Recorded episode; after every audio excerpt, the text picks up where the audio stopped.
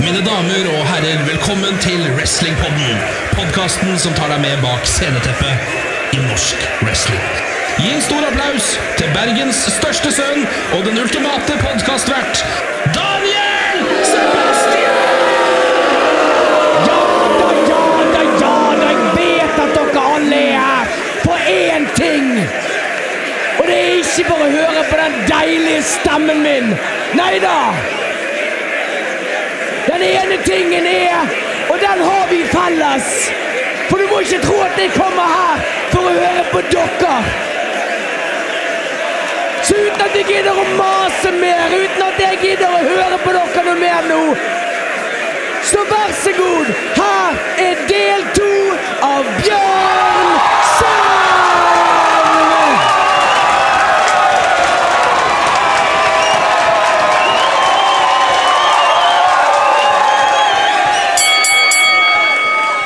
velkommen til da del to av eh, Bjørn Sem og hans fantastiske liv. Eller noe sånt. Eh, ja, vi slapp eh, forrige uke Bjørn Sem. Bjørn Sem, nå ble jeg formell.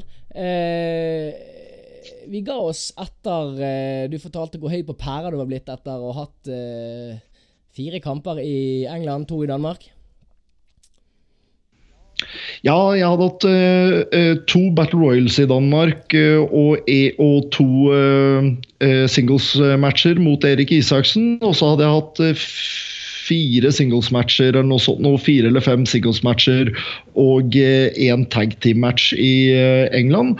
Og jeg mente jo at jeg hadde verdens eh, eh, erfaring. Jeg hadde masse, masse erfaring jeg kunne dele med meg av, til de andre som eh, eh, gikk på wrestlingskolen. Jeg kunne eh, Jeg kunne alt, og jeg Ja, visste og det, alt. jeg trodde på deg, jeg. Det, det, jeg var ja. ung og dum. jo, men det, det- ja, men det var, kanskje, det, det var kanskje greit det at du trodde på meg, for jeg hadde iallfall mer erfaring enn deg på det tidspunktet. Men eh, jeg, jeg var nok litt for høy på pæra, så det kom vi innom eh, forrige gang. Og jeg, jeg, jeg- ville jo bare det beste for eh, absolutt alle. Vi gjorde jo et fantastisk show i Trondheim, selv om Erik Isaksen holdt på å, dø. Ja, det var han sto på topprep, og så bare glei han og datt ned, var ikke det? Ja, ja, ja. Det, var en åttemannsturnering. Eh, du gikk åpningskampen mot Erik Isaksen. jeg gikk eh, neste kamp Grizzly Olsen gikk Norges første wrestlingkamp. Jeg gikk åpningskampen mot Grizzly Olsen, du har helt rett. Du gikk neste kamp mot Erik Isaksen. Uansett, eh, vi gikk syv kamper, som er en full åttemannsturnering.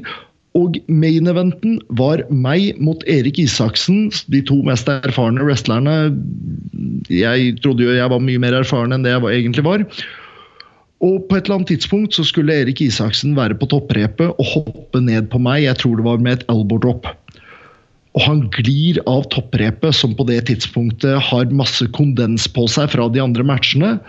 Faller utenfor ringen, ned på Det er fullt mulig. Det så ikke jeg fra min, så min vinkel. Var liggende i ringen. Det lille rommet Ja. mellom han og ringen, der gikk det en kameramann. Der ute var det jo en, en eh, metallrailing, og det var eh, eh, hardt eh, gulv eh, Om det var gruslagt gulv eller om det var betong, husker jeg Det ikke. Dette var på Ja, så jeg lå jo inne i ringen, og plutselig ser jeg han falle ned på utsiden av ringen uh, istedenfor å hoppe ned på meg. Og jeg var jo overbevist om at han var død. Så jeg bare! Eh, Men eh, da jeg så at han levde, så begynte jeg å snakke til publikum istedenfor å eh, tøffe meg opp. Jeg tenkte ok, greit. Han lever. Vi får få han til et sykehus. Jeg får vinne på countout. Men ikke det. Nei, nei, nei. Erik Isaksen kom seg tilbake igjen i ringen. Fortsatte kampen og vant turneringen. Sånn, nå skal jeg ikke si at eh, liksom, han eh, Det var jo he meningen hele tiden, men det var ikke meningen at den skulle falle på utsiden, og det sier noe om tøffheten til Erik Isaksen. Hva vil du si at det var han falt ned eh, den avstanden ned til bakken der? Ja, Det var, eh, det var eh, ganske sykt, Ja, og der igjen så jeg er var så viktig eh, det er med fallteknikk. Her om dagen så skulle jeg ned ja. Jeg er jo nærmeste nabo til Peppes Pizza, derav omfanget. eh, det er en veldig gjørmete jordsti ned dit, og det står noen konteiner på nedsiden og en, en tre meter høy murvegg rett ned. Og det er bekmørkt, og jeg snubler og detter med hodet først nedover der. Dette er ikke mer enn eh, to måneder siden, kanskje. Og jeg faller og faller og faller og faller. Og det jeg ville gjort i gamle dager, er jo å strekke ut hendene for å prøve å ta meg for. Det jeg nå gjør, er å pakke meg sammen til en ball for å, være, for å på en måte få mest mulig fallflate. Så jeg lander clean 100 kilo som jeg er, rett på skulderen. Hadde jeg do, Mm. en halvmeter en av de andre veiene, så hadde jeg knust hodet. Eh, jeg, De gangene jeg går bort og ser hvor høyt det er, så får jeg like sjokk hver gang. over. Helvete. Og det er over tre meter. Og jeg kan takke wrestling for at jeg lever, for det der, der skulle ikke gått bra. Ja. Ja, nei, det, jeg syns at fallteknikk er noe som alle burde lære på barneskolen. fordi på et eller annet tidspunkt så kommer du til å gli på isen Åh, eller er tryne sånn på en eller annen måte. Alle burde ha fallteknikk. Men eh, ja ja. Uansett. Eh, jeg er veldig glad for at du lever sånn for øvrig.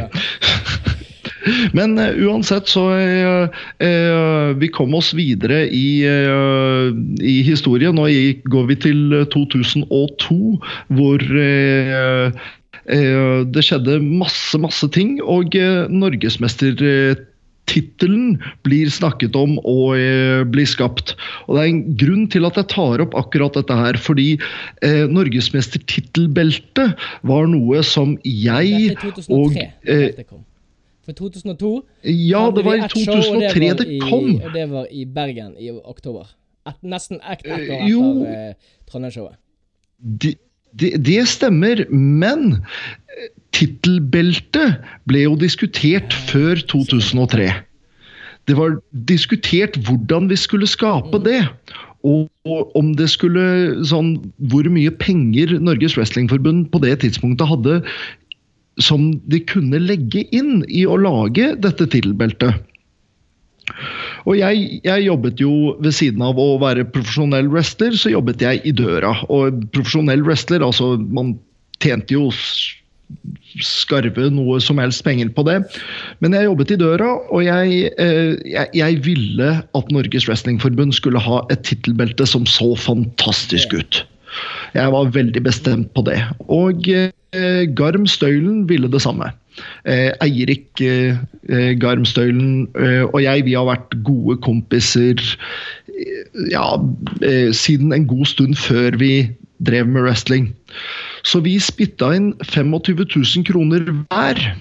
Wow. Det, vet du hva? Og- Det beltet blir sånn der eh, eh, Det blir dyrere og dyrere for hver gang jeg hører om det. Jeg vet at det var snakk om nærmere 30 000 den gang, som jeg hørte om.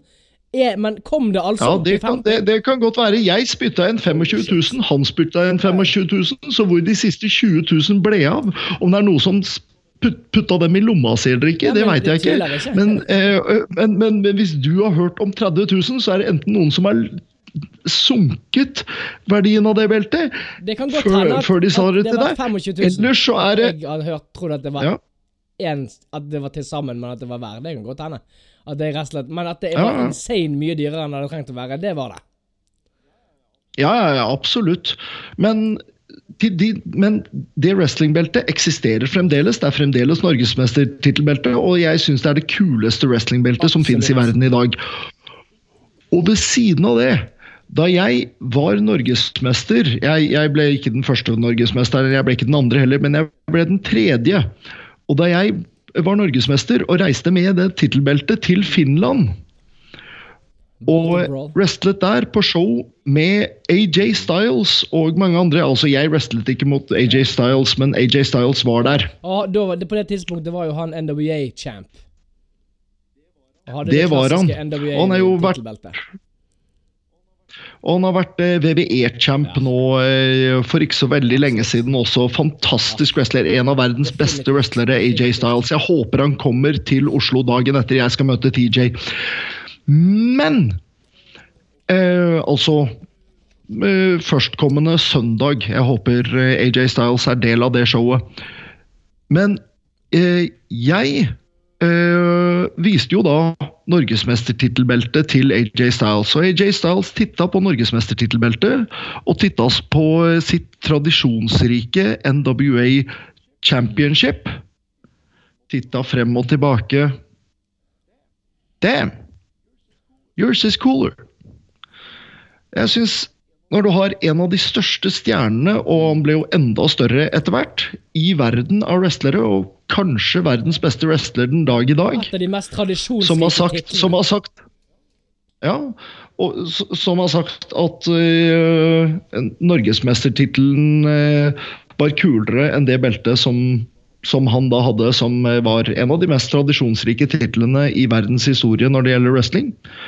Så det, det, det syns jeg er et veldig kult uh, poeng, og jeg syns det er en veldig kul ting å kunne videreformidle. Men jeg er helt enig. Så, jeg eh, syntes at den ser ut som en vikingskatt. Den har en karakter som er Og ofte blir norske ting og norske ord i wrestling blir ofte cheesy eller harry, men denne her har funnet den perfekte balansen mellom eh, det, vikingånden Altså, det, det er så norsk, men likevel så tøft og så unikt. Og det i sin Ja. spartanske form. Det er enkelt, men det er så Det ser ut som en vikingskatt. Absolutt. Eh, hvis det er noen der ute som, hø som hører på podkasten som ikke har sett på NM-tittelbeltet i wrestling, ta en titt på det. Det er verdt det, fordi det er faktisk dritkult. Absolutt. Helt enig. Men eh, vi er Nå er vi da eh, Det, det, det showet vi hadde i, i Trondheim, det var da det eh, første norske wrestlingshowet som eh, noensinne ble holdt. Det, det har vært eh, Det var annet arrangert et wrestlingshow i Spektrum på 80-tallet. Det mener jeg du har fortalt meg at du var på, men utenom det så har jeg også hørt at det var Men jeg var ikke det. Jeg var ikke Nei. det, Daniel. Jeg var ikke det. Jeg, jeg, og det, det var det største jeg kunne ønske meg på det tidspunktet. Det var å være på det showet. Jeg, og jeg var så lei meg for at jeg ikke kunne være der. Men vi hadde ikke noe særlig god råd. Så selv om min mor elsket meg og ønsket alt hun kunne å få tak i billett til det showet, så hadde vi rett og slett bare ikke råd. Vi måtte prioritere å ha mat på tallerken. Nei, det Men nå får du sjansen nå til nå neste helg, da. Eller nå, nå, nå til Ja, ja, ja. For nå Ja, ja, nå er jeg nå har jeg betalt eh, billetter. Jeg og eh, Jon Big John Veivåg eh, skal sitte der sammen og glede oss over VVE. Nå er jeg Nå er jo jeg en voksen mann med jobb og Kjerring og unger ikke og heim og altfor mye penger, men ja, ja, ja, unger og heim og alt mulig sånt. Altså stebarn, men ja, det, det, det er innafor. Dine, dine og våre. Ja, ikke sant? Det er jo sånn i dag.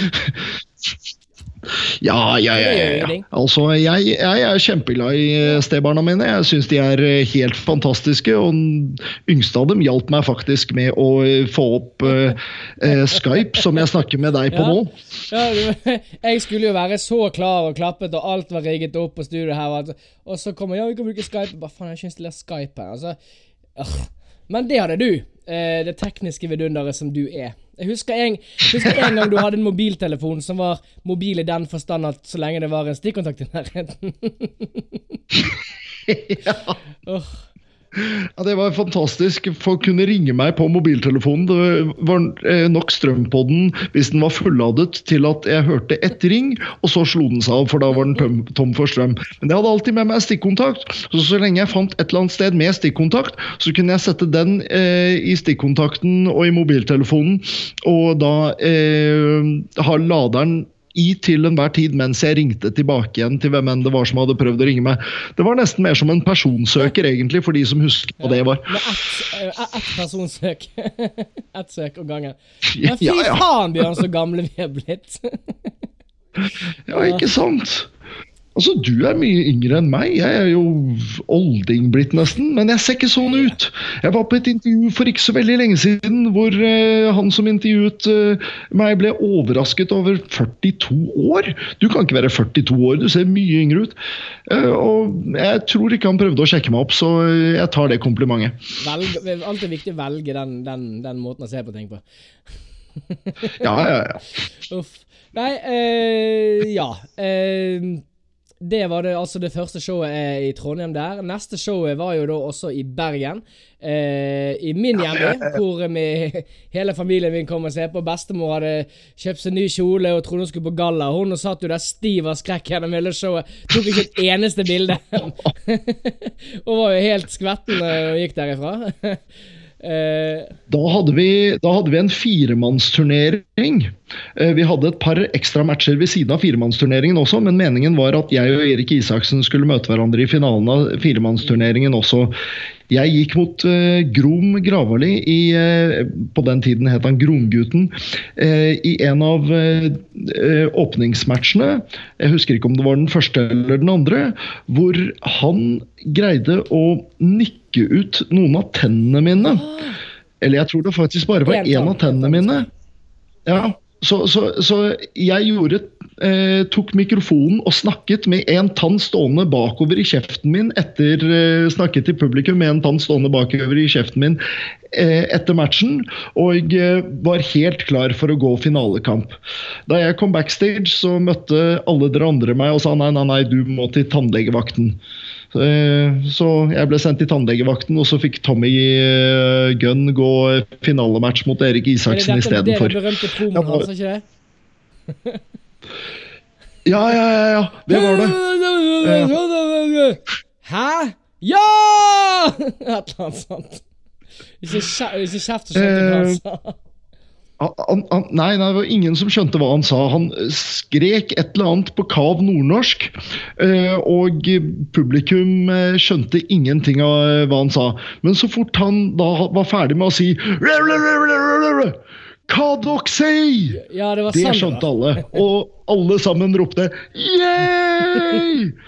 Og, og, det var promoen hans som fikk han inn i finalen etter han hadde slått Garm Støylen eh, i en match.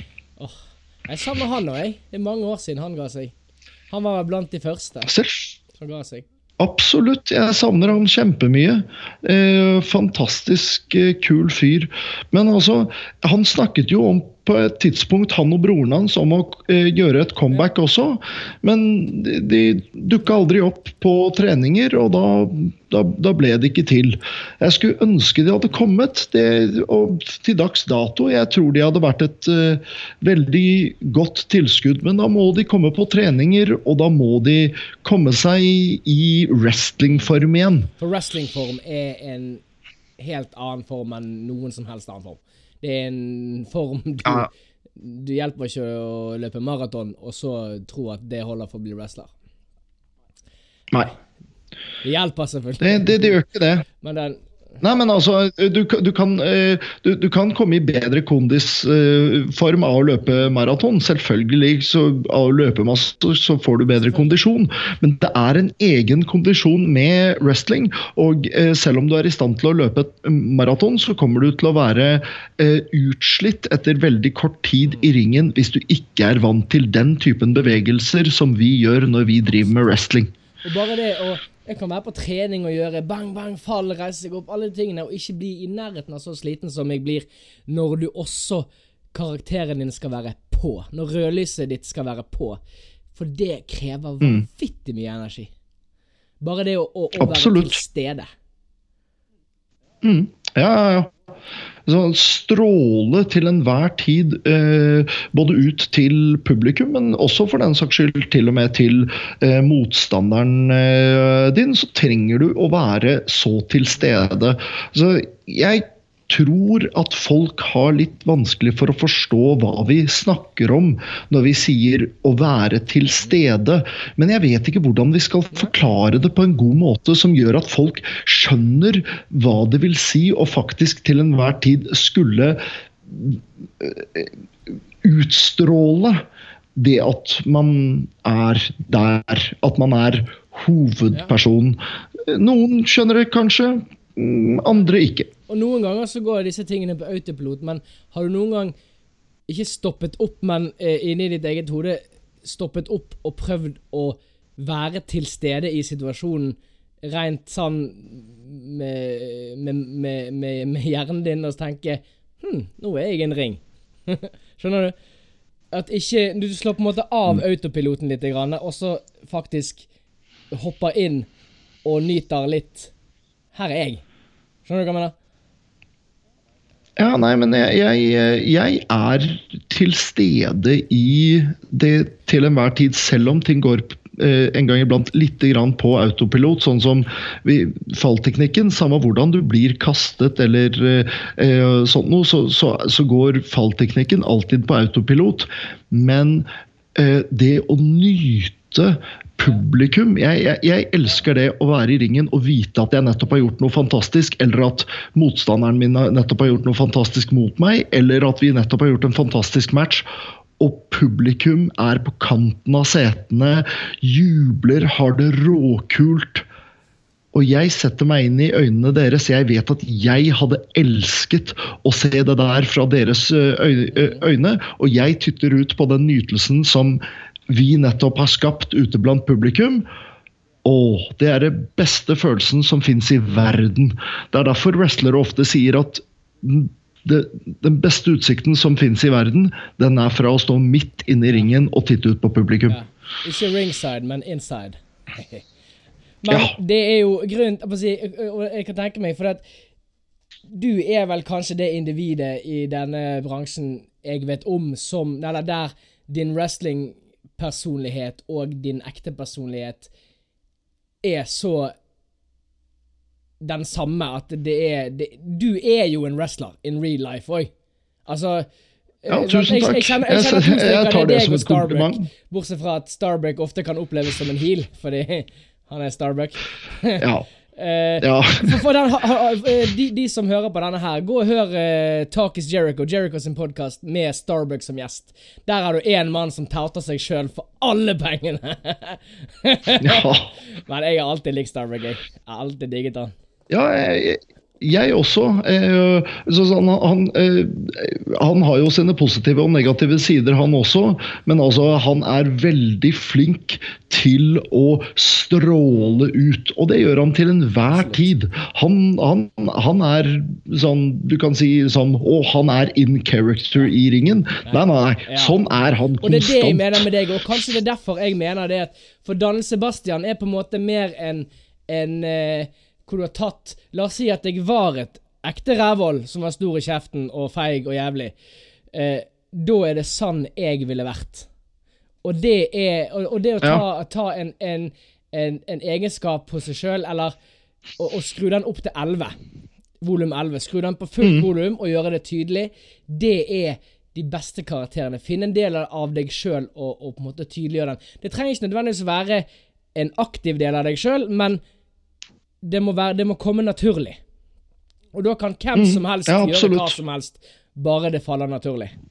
Og det er kanskje derfor du ikke opplever eh, For at når jeg går ut av ut uh, gjennom teppet, så, så, er det Dan Sebastian som er der, ikke meg. Det er på en måte meg, men mm. da er jeg Dan Sebastian. Og, men når da jeg en... da stopper opp litt, og uh, ekte Daniel får lov å titte frem, så er det litt sånn ha, Og det er gøy. Ja, ja jeg, jeg, skjønner uh, hva du mener. Og eh, det er litt sånn merkelig, for jeg, jeg, som kommer fra levende rollespill og er sånn sett vant til å spille mange forskjellige roller jeg, uh, Den personen jeg er mest kjent for å være i ringen, det er faktisk mm. meg. Og jeg bruker mitt navn. Altså eh, Jo, jeg har et par ekstra eh, navn, men det er ikke de jeg bruker til vanlig heller. Jeg kaller meg Bjørn Sem til vanlig. Det står Bjørn Sem på Ja. Ja. Det, det, på en trening aller, en gang for lenge, lenge siden. Ja. Var det det? så, så, så øh, hadde jeg øh, noe utslett pga. en eller annen sykdom. Men jeg, jeg var så engasjert i at jeg skulle ikke miste en eneste wrestlingtrening, så jeg tok og bandasjerte meg opp slik at dette ikke ville være smittsomt til noen som helst andre. Og trente fremdeles wrestling med alle sammen. Og da var jeg Plasterface. Har du plaster i hele tiden. Skal jeg teipe det? Ja, ikke sant? Er plasterface. Ikke sant? det Det var gangen, så logisk. gikk vi treningskamper allerede første, første trening. Det er jo galskap. Ja, ja, det, det? var, eh, det var det første seminaret Isaksen holdt, og da var det mange som kom. Noen så på, og noen var med å trene. Og jeg, eh, jeg var vel Daniel 2, var ikke det? Vi var vel tre Daniel Jo da, jo, jo, det husker jeg. Eh, vi var i tag-team, husker jeg. Jeg satt på skuldrene da vi kom inn, og vi dummet oss. Oi, oi, oi. Ja, du, du, du, du var jo veldig lett på den tiden, så litt- eh, sånn, ikke det. Jeg kan, jeg, jeg, kan- jeg kan eh, ha deg på skuldrene den dag i dag også, det er ikke noe problem, det heller. Men eh, da så det litt lettere ut i eh, gangen, mens eh, tynne flis av Daniel Sebastian eh, var på skuldrene til digre monstre Plasterface.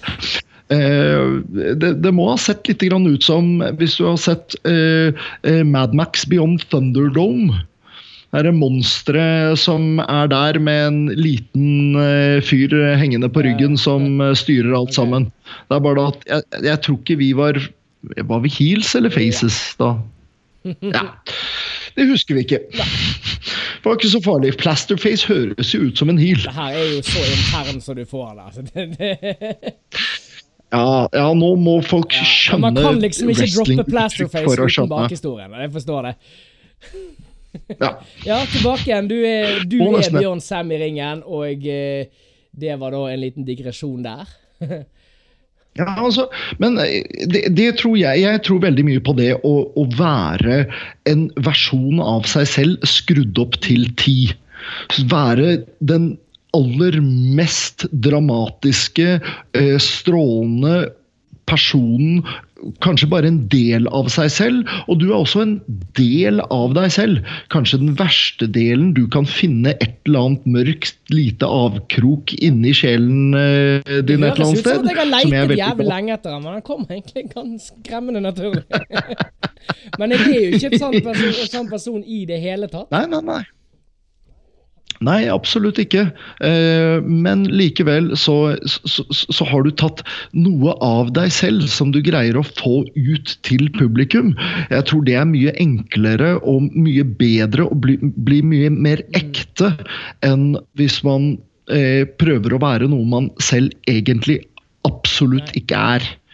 Jeg husker vi hadde et eh, Valentine, Nico Valentine fra Finland. Og vi snakket om dette her, og han mente hva, du, du, tror du jeg er en sann person i virkeligheten? Så jeg bare, nei, men du hadde vært sann hvis du hadde vært det. Og det er på en måte det som er poenget mitt. Ja. Hadde du vært en klyse, Ikke så hadde sant? det vært sann klyse du hadde vært. Mm. Sant? Ikke sant? Så øh, Absolutt at han ikke er den øh, den, den personen han øh, utgir seg for å være. Men jeg tror likevel at de ideene han får, de, de, de finner han en eller annen øh, plass. Og han elsker å være foran publikum og gjøre karakteren sin. Eh, og Valentine gjør den fantastisk. Så, så, eh, så eh, jeg, jeg tror det gir ham glede. Egentlig, Jeg vet at det gir ham glede, for jeg har sett ham etter han har gjort det, og han er jo så, så glad og Jeg fornøyd. meg glede. altså. Jeg elsker sånt når folk når Ikke når folk sant? er- Ja, Han er dritkul. Fantastisk. Eh, men videre, da. Eh, så eh, Etter vi kommer og vi har hatt eh, noen av våre første show, så er det flere av oss som begynner å reise mer utover landegrensen. Nå har jo du allerede nevnt at du har vært i både Danmark og, og vi har vært i Finland. Og, eh, men du har vel gjerne ikke vært i Finland på dette tidspunktet helt ennå, men du har vært en del i Danmark og i England. Um, så eh, har du Hvilken lærdom tok du av det som du på en måte Du følte kanskje ikke du fikk i Norge? Jeg aner ikke. Jeg har ikke peiling, men jeg tok sikkert masse lærdom eh, fra det. Jeg, eh, jeg, jeg, jeg det, blir så mye gjennom årene som man lærer seg.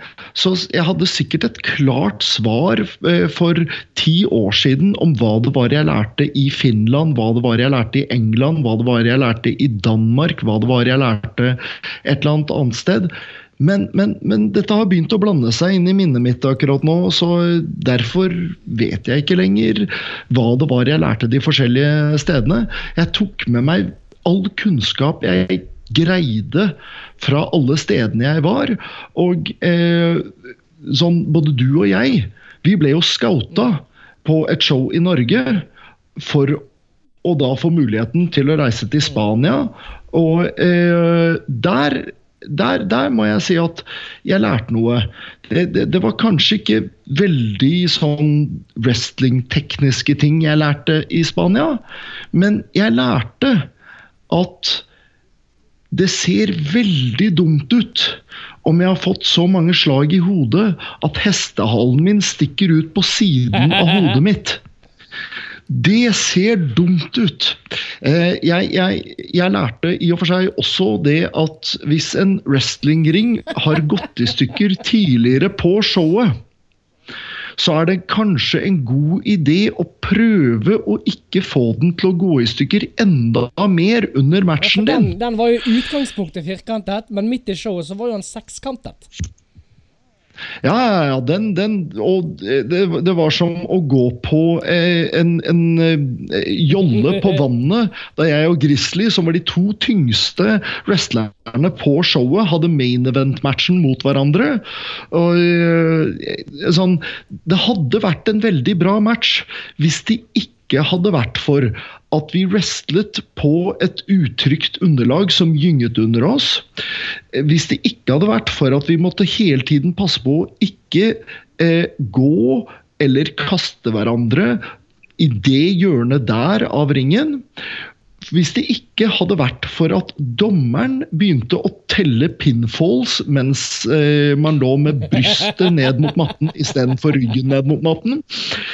Alle disse tingene her trakk litt ned eh, på, på eh, matchkvaliteten, selv om jeg og Grizzly generelt sett alltid har eh, gode matcher. Um, ja, altså alltid har. Grizzly har gitt seg for en god stund siden og er nå konferansier for Norges Wrestlingforbund. Men uh, ja, jeg, jeg, var stor fan av matchene mellom meg og Grizzly back in the day, og vi har wrestlet en main event-match. Ja, ikke sant? Fantastisk fyr. Ehm, så, så, så, så, vi lærte ting der. Men på tross av at kvaliteten til den matchen ikke var fantastisk, så ble vi likevel scouta videre på det showet til å få eh, tilbud om å wrestle i Italia. Hvor, hvor eh, Ja du og jeg har gjort mye interessant i Italia. Der er det så mange historier at ja, vi, vi eh, du hadde trengt tre eller fire podkast. Ja, vi kan egentlig begynne med når vi var i Barcelona og eh, eh vi så på rommet disse italienerne. Eh, da eh, Italian Tornado og eh, El Dinamico, som to skauere i sin egen kategori.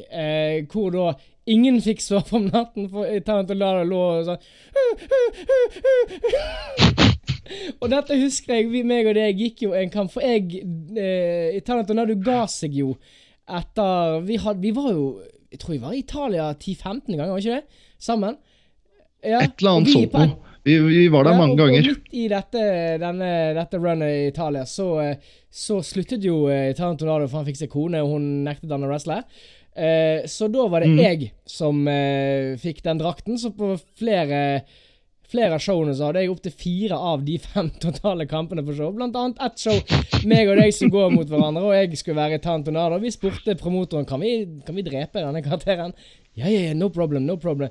Så da hadde vi det kjempegøy med egentlig eh, kollektivt grisebanke han, altså meg.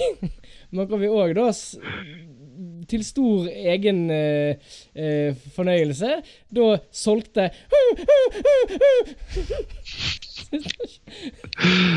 Å, jeg skulle ønske jeg hadde den kampen på video, for det ble en fantastisk kamp. Altså, en fantastisk squashkamp. Jeg fullstendig knuste Italian Tornado. Det, det, var, eh, det var ytterst moro. Fantastisk.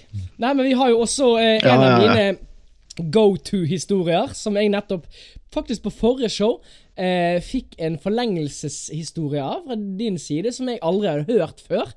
Eh, det er jo den gangen vi eh, eh, Først dro vi til Torino, som da er basen til uh, Italian Wrestling Superstars, som det forbundet het.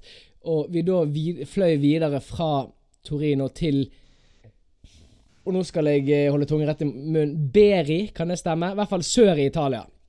Og vi da drita varmt hadde et uteshow. Og eh, etter at showet er ferdig, så går vi på en, en restaurant som er fullt av folk. Jeg mener kanskje at det var til og med sånn roller disky, altså eh, disco sånn eh, med rulleskøyter. Mens når vi kommer, så får alle beskjed om å gå. Ja, ja, ja. ja. Og så er det dekket opp et langbord hvor alle sammen sitter. Men i ene enden så sitter det en haug med gamle menn i, med masse gullringer og gullkjeder. Og, og så skulle meg, meg og deg bort og, ta, og kjøpe en øl.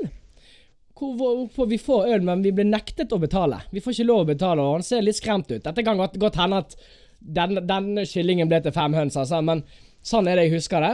Og når vi da, disse rare mennene, kommer bort og preiker med oss på italiensk For som tidligere nevnt, ikke en kjeft kan engelsk utenfor uh, Skandinavia. Bortsett fra England, selvfølgelig.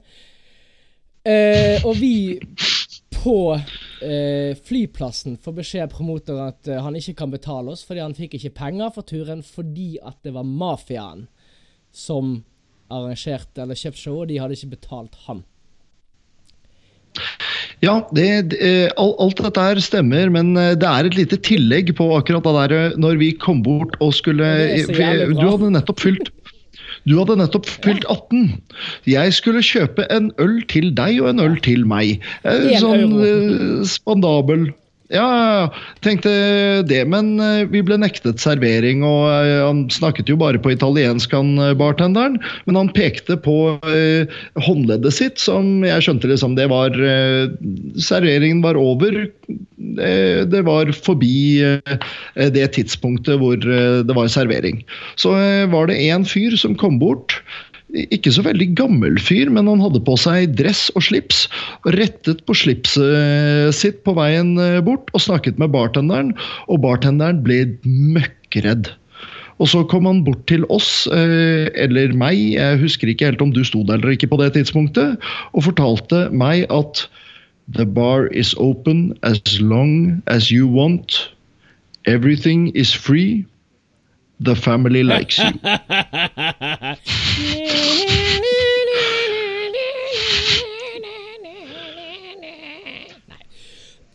Ja, ikke sant? Ja, men denne historien ble enda bedre, husker jeg. Ja, altså eh, Jeg husker ikke om dette her var eh, samme eh, turen, eller om det var en Nei, tur var før eller en Det tur var på showet, etterpå. for dette her var jo etter show.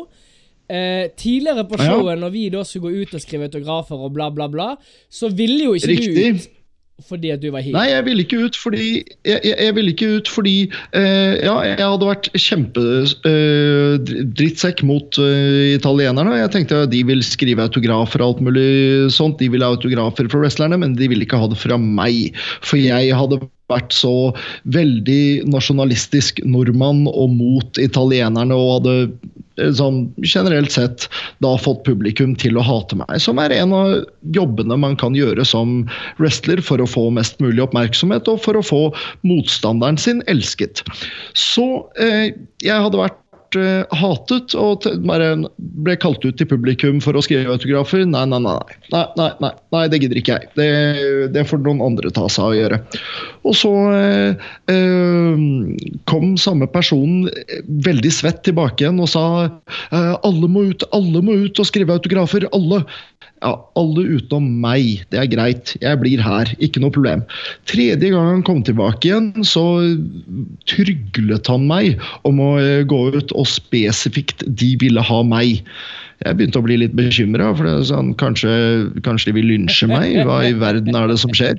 Ja, ok, greit, jeg får gå ut, da. Jeg kan, jeg kan ta meg enhver situasjon. Så dette her Jeg får bare prøve å holde meg unna de som er godt likt av eh, wrestlerne der ute. Så er det nok ikke så veldig mye oppmerksomhet rundt meg.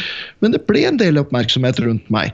Det ble en god del barn som skulle ha autografer og sånn, og jeg skrev sånne ting som 'lær deg norsk' og eh, sånt. skrev jeg på norsk for å ja, Ikke sant?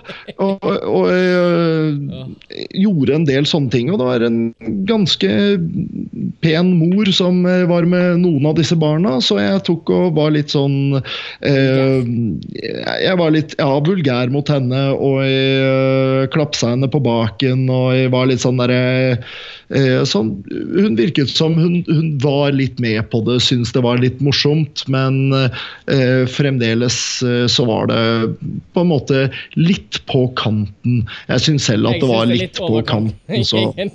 ja. Men derfor syns jeg òg ja, altså Etterpå så gikk jeg backstage og eh, sånn, og nå tenkte jeg det at nå, nå, er saken ferdig. Og der, backstage, så var det noen som øh, kom bort til meg og bare aah, aah. Og etterpå så fikk jeg jo vite at dette her, det var jo kona til mafiabossen i området. Så så, så, så, så, du skal ikke se helt bort ifra at det var derfor den beskjeden kom med 'The Family Likes You'. ah, this boy has got the balls. Oh. Ja, altså jeg har alltid hatt baller til å eh, kunne gjøre hva som helst eh, foran eh, publikum. Altså I Colombia greide jeg å få stjernen min mye mye høyere ved at jeg spyttet og gikk min vei under nasjonalsangen mens alle skulle stå der og være ordentlig sånn vise respekt for den colombianske nasjonalsangen. Alle wrestlerne var ute ved ringen og skulle stå i rett. Jeg tenkte nei, jeg er drittsekken på showet. Da gir jeg blanke faen og går min vei. Jeg ble jo superhatet, og jeg ble jo main eventer uh, der. I all hovedsak pga. at jeg gjorde den tingen der. Chris the Bambi Killer spurte meg etterpå sånn, hvorfor jeg turte å gjøre det, fordi det kunne jo få meg drept. Nei, men man må jo leve litt, da.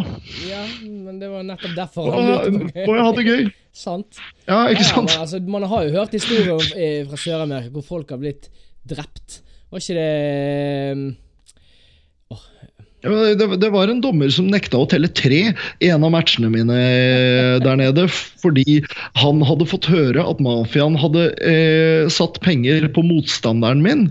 Så eh, da jeg hadde skuldrene til motstanderen min eh, nede i matta, og han skulle telle én, to og så stoppa han. Og han løp. Han stakk av fra hele arenaen. Uh, ledelsen i forbundet, som ikke hadde vært med på at han skulle gjøre sånn i det hele tatt, de kom ut og erklærte meg som vinneren i etterkant. Og uh, uh, han fikk lov til å dømme for dem videre senere uansett. Så neste gang han og jeg han dømte en av matchene mine, så tok jo jeg, og da etter matchen, og etter han hadde telt tre i den matchen, så tok jeg og dytta han eh, ganske hardt inntil repene som en liten sånn der lærepenge på eh, det som skjedde forrige gang. Hvis man titter på den der videoen 'Bjørn er best' som fins på YouTube, så ser man ikke forløpet fra hva som hadde skjedd forrige turné og forrige match. Men man ser det at jeg dytter dommeren, han bitte lille stakkars dommeren, som flyr inn i repene.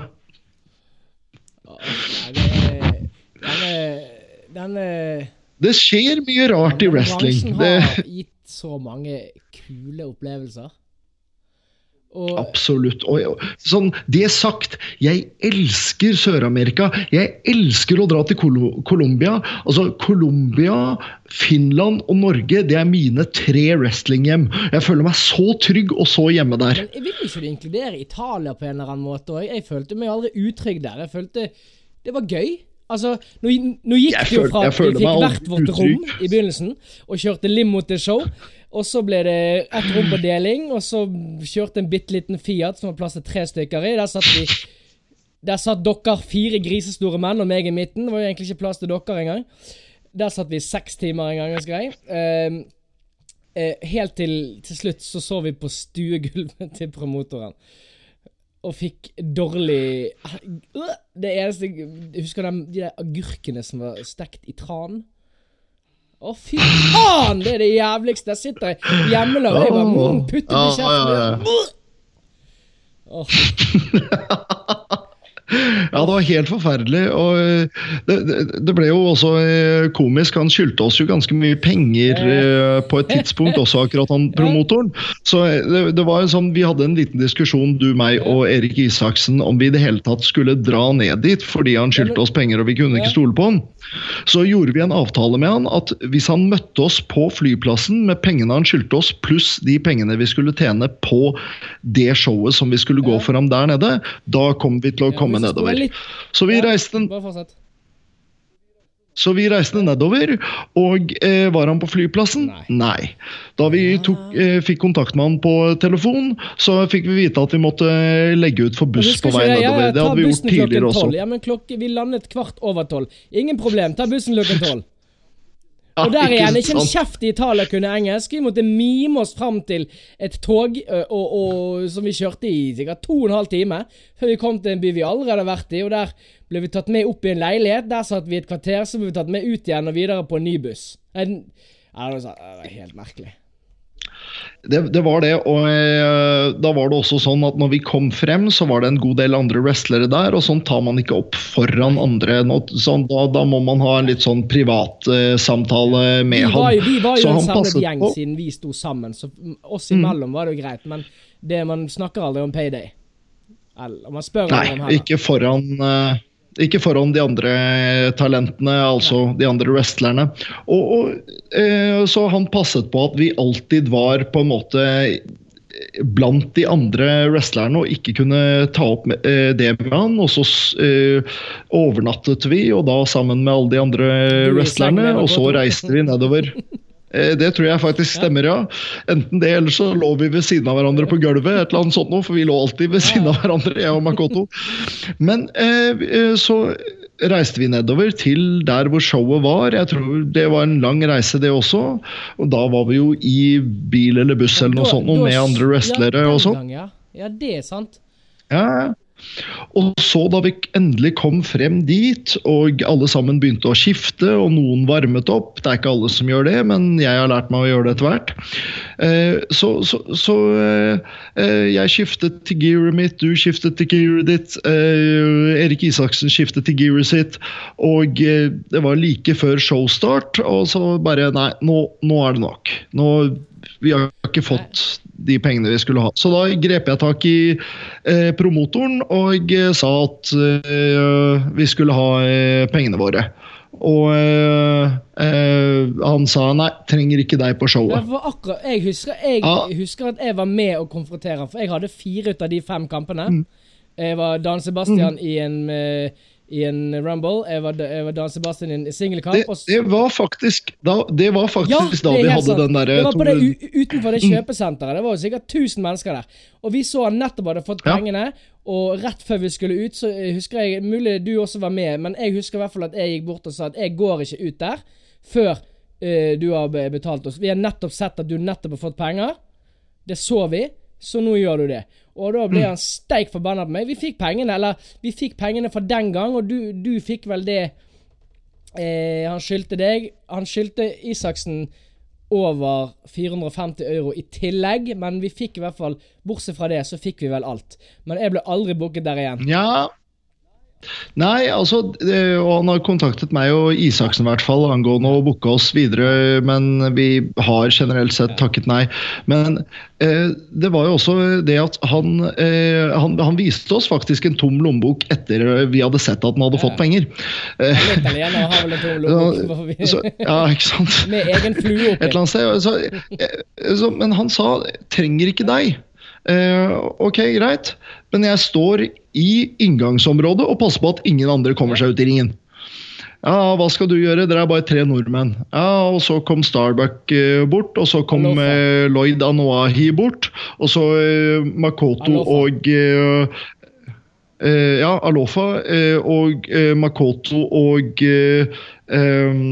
han Pancho ville ikke gå imot oss. Og plutselig så var eh, promotorens folk i undertall. Og eh, det var et sånt der enkelt regnestykke.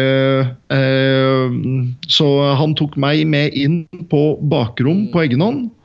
Og eh, da plukket opp eh, pengene som han skyldte meg, og så nå går dere alle match. Så jeg gikk ut, ga de pengene til Erik Isaksen og sa du skylder fremdeles meg og Daniel Sebastian. Ja. Og du, du konfronterte han også, han var møkksur på oss alle sammen. Ja, og Vi har jo egentlig bestemt oss for at når vi forteller denne historien, så er det vi tre som holder han i beina utenfor et eh, åpent vindu i syvende etasje. Men Men det fikk, jeg, det fikk jeg faktisk høre i Sør-Amerika Ja. i etterkant at de hadde hørt at jeg hadde gjort. Men, men, men, fortelle. men jeg måtte da ja, altså jeg måtte da si at øh, nei, nei, det, det, det var ikke tilfellet. Jeg, jeg fortalte historien sånn det skjedde. og eh, En del av de som faktisk kjente den promotoren og hadde blitt lurt for penger av han, de også, de syns jo at det var heltedåd å gjøre Ja, de greiene mot han. så det Nei, men jeg, i bunn og grunn eh, Jeg var aldri inne in, in it for the money uansett. Eh, men det å bli behandlet med respekt Nei. er jo greit. Men alt Ja. i alt, Italia er Rett. fantastisk eh, Fantastisk opplevelse alle, alle gangene. Rett, eh, rett skal være rett. Sånn, eh, hvis en promotor har bedt meg om en tjeneste og gjøre ham en tjeneste og eh, sier jeg kan betale deg veldig lite, men kan du gjøre meg denne tjenesten? Ja, men selvfølgelig. Men betal meg iallfall det som du da har gjort en avtale om. Hvis en promotor har gjort en avtale om å betale meg mye penger, ja, men da skal jeg ha de pengene. Så kan jeg heller gjøre om en tjeneste på et senere tidspunkt, men det er viktig å holde sine avtaler.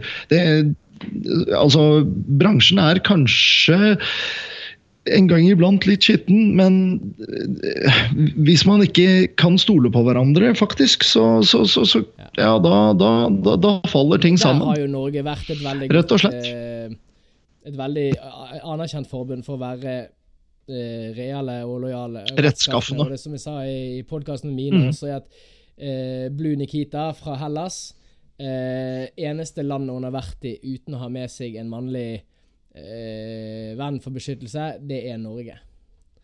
Og det mener jeg er et godt sant? Og Norge er fortsatt eh, anerkjent. De som har vært her, vet hvor bra vi er. Ja, ja, ja. Vi har hatt mange ganske store wrestlingnavn i Norge, og vi er veldig veldig godt rykte på oss. Iallfall alt det jeg får tilbakemelding om. Vi har hatt uh, Brookside her. Det er vi også kjent for. Vi. men, men altså, men det sier jeg også alltid. Jeg sier det når jeg eh, kommer internasjonalt. eh, I work stiff, but safe. Uh, og, og det blir uh, generelt sett uh, respektert veldig godt. Hvis, hvis de snakker noe dritt om meg sånn sett, så gjør de det i så fall bak ryggen min, ikke til meg. Hvis de er Det- og ikke tør å bli tatt litt hardt i, så er de i feil bransje. Ja, det syns jeg også. Absolutt. Det Wrestlingbransjen, da må man tåle litt sånn juling. Så eh, enkelt er det bare. Også fortalte i, i episoden jeg hadde med han. Han var jo vant, var lært opp og vant til å jobbe hardt og jobbe stift. Sant? Så når han da eh, kom til England og, og var stiff i ringen, så er er jo, er jo mange litt sånn sure. Altså, ah, OK, greit, who the fuck does she think he is? Og ja, skal vi virkelig banke han tilbake igjen. Men han skjønte jo ikke det, for han var jo vant til å få slått hardt. Han, så, sant? så, joke is on them. Men eh, Ja, ikke sant? men eh, hva vil du trekke fram som det kuleste, det beste eh, Altså som hvis du skal, eh, Kan du trekke frem én, men vil, vil du trekke frem én opplevelse i wrestling du ikke kunne levd uten? Eller Skjønner du hva jeg mener? Wrestling har vært eh, så stor del av livet mitt, så jeg kan ikke trekke frem én opplevelse. Jeg har, jeg har så mange opplevelser i wrestling som jeg ikke ville levd uten. Jeg ville ikke levd uten den fantastiske matchen jeg og Erik Isaksen hadde mot hverandre i eh, Trondheim det andre gangen vi reiste opp dit. og og jeg ville ikke levd uten den fantastiske matchen jeg og Grizzly hadde på det aller første Powerslammet hvor uh, vi main-eventet. Jeg, jeg ville ikke levd uten de fantastiske opplevelsene jeg har fått av wrestling, også utenfor ringen, som f.eks. Eh, da Steve Corino brukte eh, en eh, lariat, eller også kalt clothesline, som en finisher, og jeg spurte han i en bil om det var greit at jeg leverte en close line i løpet av eh, matchen min. Og eh, han sa det er helt greit, for det du gir er en close line, det jeg gir er en lariat. Steve Corino, liksom. Sånn superstjerne eh, og så kul. Bare Ja, ja, han spiller ingen rolle. Ja, altså, Sitte der og kritisere sammen med igjen Steve Carino. Sitte og kritisere andre eh, wrestlere i ringen som, som wrestler sammen med Big John og Steve Carino. Og sitte ja, det kunne vært bedre sånn, og det kunne vært bedre sånn. Eh, sånn, ikke fordi vi ikke hadde respekt for de som var i ringen, men bare fordi vi er perfeksjonister og har lyst til at ting skal være enda, enda bedre det er, det, er, det er, masse fantastiske opplevelser. Min match med Loki altså Mange som har dårlige ting å si om Loki, deriblant Steve Corino. Men, men, jeg hadde en fantastisk match med ham, og jeg syns eh, han var en kjempehyggelig fyr. Eh, jeg, jeg, jeg har elsket å wrestle i nesten alle land jeg har wrestlet i, og de landene jeg ikke har elsket å wrestle det har jeg fått fantastiske historier fra. Se Polen. Eller vent litt. Ikke se den matchen på YouTube. Den ligger på YouTube, ikke se den. Rett inn og se. Eh, egent, egentlig, ut, ja, ja, selvfølgelig. fra det jeg sier, så kan du summere det opp i opplevelser. Eh, jeg har hatt så mange geniale og kule opplevelser eh, i wrestlingen. Og eh, det, er, det, er, en så stor del av livet mitt.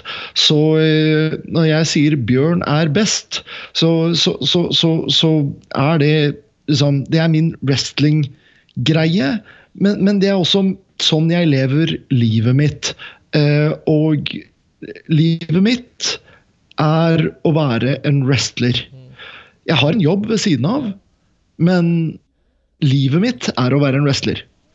Jeg har kjempegode venner på den jobben. Jeg har kjempegode venner som ikke driver med wrestling, som ikke er interessert i wrestling. Kjæresten min, samboeren min, hun er ikke spesielt interessert i wrestling i det hele tatt. Eneste wrestling hun gidder å se på, er, om er når jeg er i ringen. Men, men, men for meg så er det det er liksom Jeg vil ikke si at det er halvparten av livet engang, men det er, det er så stor del av livet. Og mine nærmeste venner er folk jeg har banket livskiten ut av, og fått livskiten banket ut av meg av, sånn som deg. Men hvor mange år har du ja. Jo, jo, men Det er utrolig hvor nært bånd man får av noe sånt. Noe. Ja. Og det å legge sitt eget ja. liv i hendene på motstanderen sin, som man stoler 100% på, den nærheten det skaper mellom to mennesker Også det å skape, som du sier, eh, ikke bare det man skaper, men det man skaper sammen. Altså, det Eh, som jeg snakket med tidligere om dette med samholdet, og, og, på en måte du ser at, at kløftene er blitt større med årene. Det jeg husker som jeg satte mest pris på med wrestling fra gammelt av, var det at dette var vårt.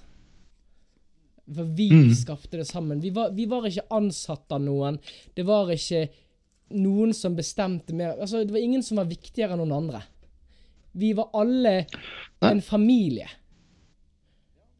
Ja, vi var alle en familie, men der kan man si også at publikum er med. Eh, ja, altså eh, Det har blitt sagt mange ganger at eh, som publikum på et wrestlingshow, så er du del av showet. Du er ikke bare en tilskuer, du er en del av showet. Og den samhørigheten, det samholdet, det å være fan av det som skjer i ringen, det føler jeg at jeg deler sammen med publikum. Så ja, de er Eh, de er også en del av den familien, etter min mening. Men hvor lenge har wrestling nå eller hvor lenge har, hvor lenge har du holdt på? Hvor lenge har Bjørn Sem grisebanket folk i ringen nå? Hvor mange år? Jeg begynte å trene i 2000. Jeg debuterte som uh, wrestler i april 2001. Jeg eh, har da holdt på i eh, 19 år siden jeg begynte å trene. Eh, 18 år siden jeg debuterte som eh, proff wrestler. Og eh, eh, jeg holdt på å måtte gi meg. Eh, fordi jeg, etter to kneoperasjoner og mange mange hjernerystelser og en skulder som ikke helt fungerte, så, så, så var jeg Kondisjonen min var for dårlig. Jeg veide over 150 kg, og med alderen som gikk oppover, så, så greide jeg ikke ha en god in-ring kondis lenger. Jeg hadde bedre kondis enn de fleste mennesker på 150 kg, nesten alle, men, men, men til å kunne holde på med det vi holder på med på et høyt nivå, så, så, så, kunne jeg ikke gjøre det mer med en så høy øh, øh, så høy vekt. Jeg fikk en prolaps som gjorde at jeg hadde konstant vondt. Og etter hvert så besvimte jeg to ganger når jeg skulle stå og pisse, fordi jeg kunne ikke sette meg, og øh, prolapsen som presset på ischiasnerven var så stor at den bare gjorde at jeg besvimte mens jeg sto der. Så jeg måtte inn eh, og eh, lå på sykehus fordi de trodde det var hjerte. Så ble jeg undersøkt for hjerte i tre døgn. Hjertet mitt er sterkere enn de fleste hesters hjerter, så det fant de til slutt ut at det ikke var tilfellet. De ville sende meg hjem, men jeg sa jeg kan ikke stå, jeg kan ikke sitte. Ja ja, men bare vi dytter deg full nok, full nok av smertestillende, så går det fint. Jeg sa nei. Ja, men da må vi få politiet til å hente deg. Jeg sa ja, vær så god, det er helt greit, men jeg nekter å, å, å bli posisjonert i den posisjonen. Jeg hadde sagt i tre døgn jeg, det jeg trenger, det er MR, og det er nevrolog. Uh, den legen ville ikke høre. Men heldigvis så fikk jeg tvunget meg til å bli sendt videre til Ullevål, hvor jeg fikk ordentlig undersøkelse. Jeg fikk MR, jeg fikk nevrolog, jeg fikk operasjon, og jeg eh, gikk ned i eh, vekt. Uh, mens jeg lå der og uh, bortimot uh, sultet meg på suppe osv. Og, så og jeg trener nå Jeg har trent seks, seks ganger denne uken. Vi, det er søndag nå når vi snakker sammen, og jeg trener hardere enn noensinne før for å holde meg i form, for å kunne fortsette å drive wrestling. Nå veier jeg 111 kilo, jeg har gått ned over 40 kilo. Ja, for det er det som eh, blir da mitt neste spørsmål. Får vi 18 år til med Bjørn Sem i ringen? Det tror jeg ikke er mulig, uheldigvis. Jeg skulle ønske jeg kunne holdt på i 18 år til. Jeg eh, jeg, er, eh, jeg, blir 43 nå. Jeg skal titte over formen igjen når jeg blir 45 eh, for å se etter om jeg fremdeles kan holde meg på et høyt nivå. For jeg har ikke lyst til å gå til det nivået hvor jeg er en skygge av det jeg en gang var. Hvis jeg skal fortsette å holde på, så må jeg holde på på toppnivå. Da må jeg være den Bjørn Sem som du kjenner, som alle der ute eh, som har vært fans av norsk wrestling og colombiansk wrestling og italiensk wrestling og engelsk wrestling osv.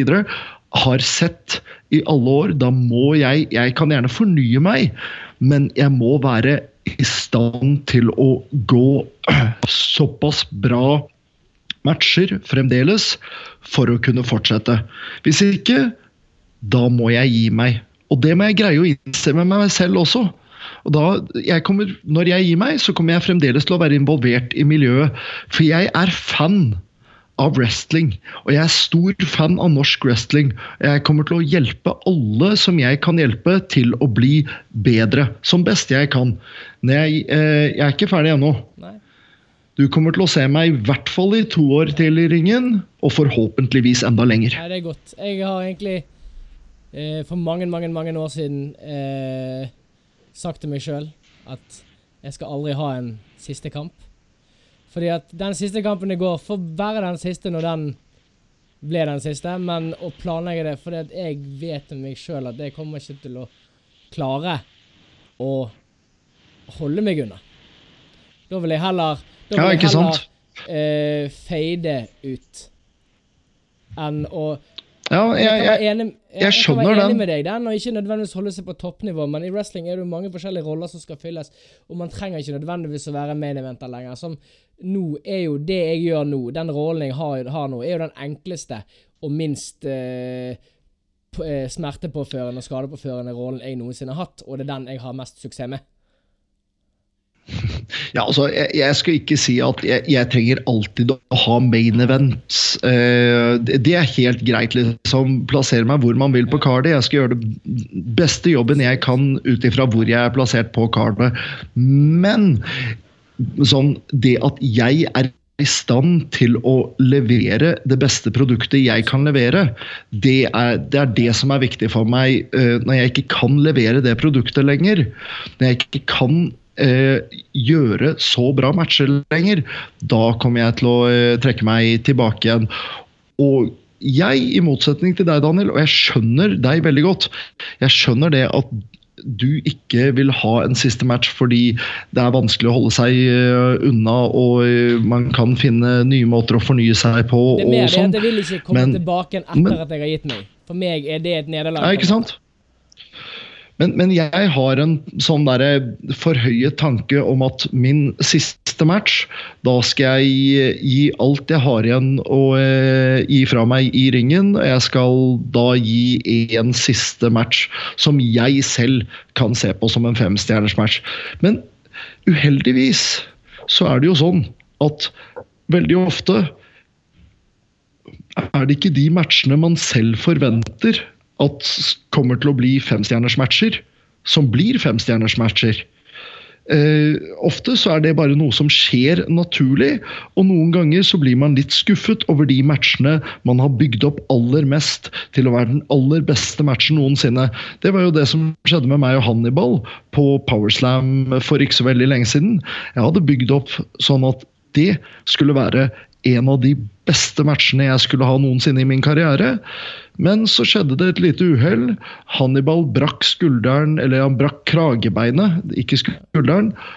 Og da ble matchen mye mer begrenset. Han fortsatte å wrestle i noen minutter med brukket kragebein, men da ble jo selvfølgelig kvaliteten litt lavere, og matchen en god del kortere enn jeg hadde forventet.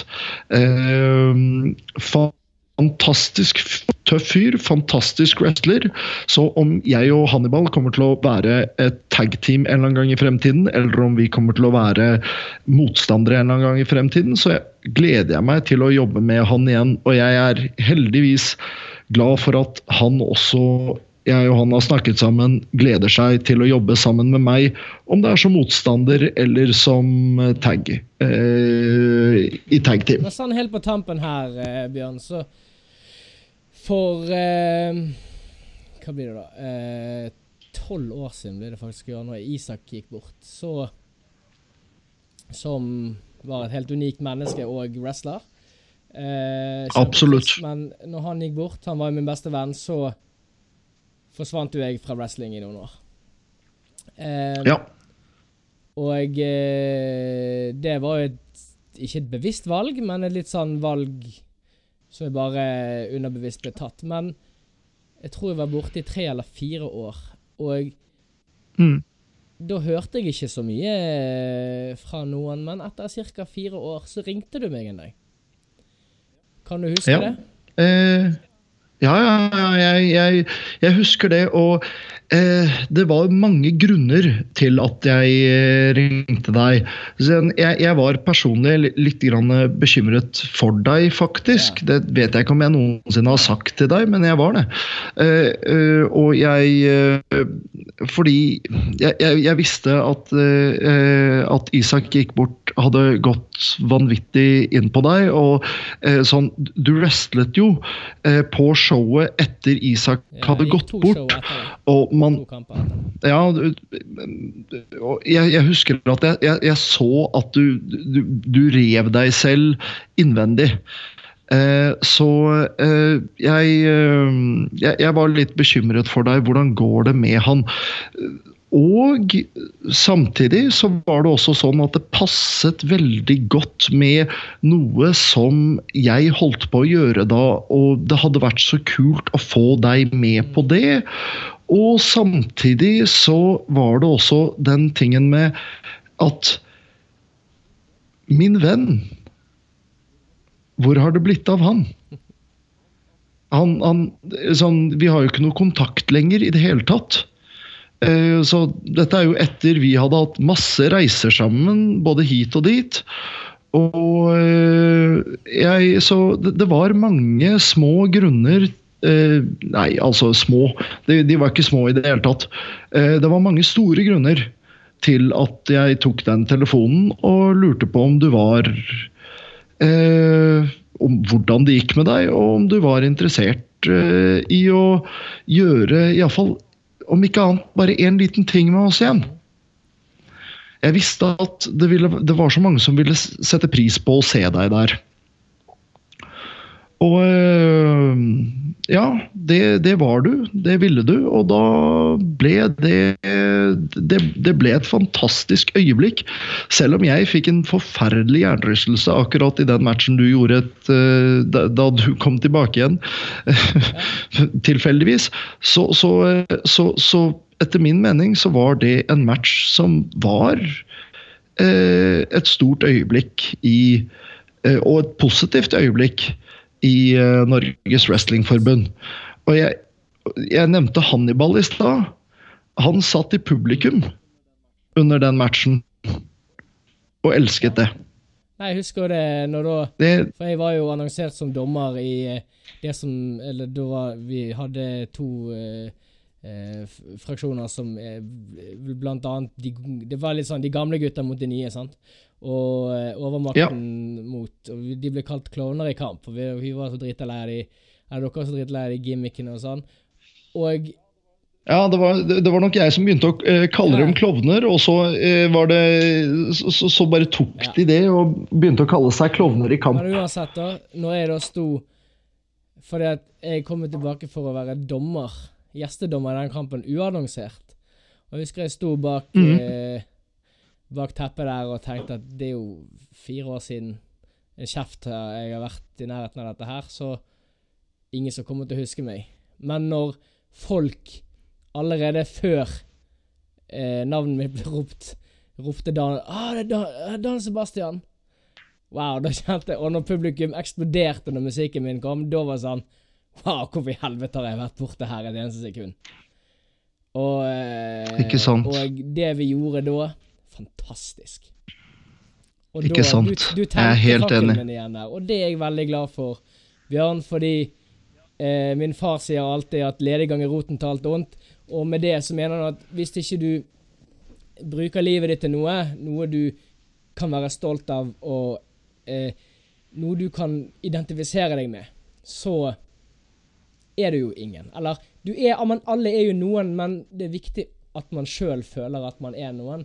Og i wrestlingen, det er der jeg er mest. Det er meg. Det er eh, Det er på en måte Bortsett fra dette med familie og barn og de, de, de elementære viktige tingene, så er wrestling eh, den fakkelen som har brent mest i mitt liv. Og det er jo sikkert mer enn 50% pga. de fantastiske menneskene og opplevelsene jeg har hatt med dem, blant annet deg som er grunnen til det. Jeg tror at det er også grunnen til at vi elsker det vi gjør. Så for det vil jeg si tusen hjertelig takk for at du brydde deg. Og det har du alltid gjort. Du har alltid vært en fyr som bryr deg om andre. Ja, tusen takk, og tusen takk i like så. så det er jo veldig gjensidig.